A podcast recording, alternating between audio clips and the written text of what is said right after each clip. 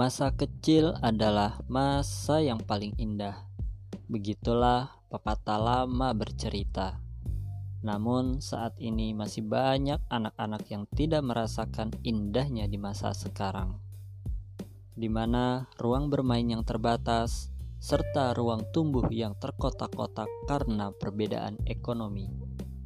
Di Rimbun Channel, kita akan membahas dan mencari solusi bersama untuk dapat menghadirkan ruang tumbuh bagi anak-anak saat ini.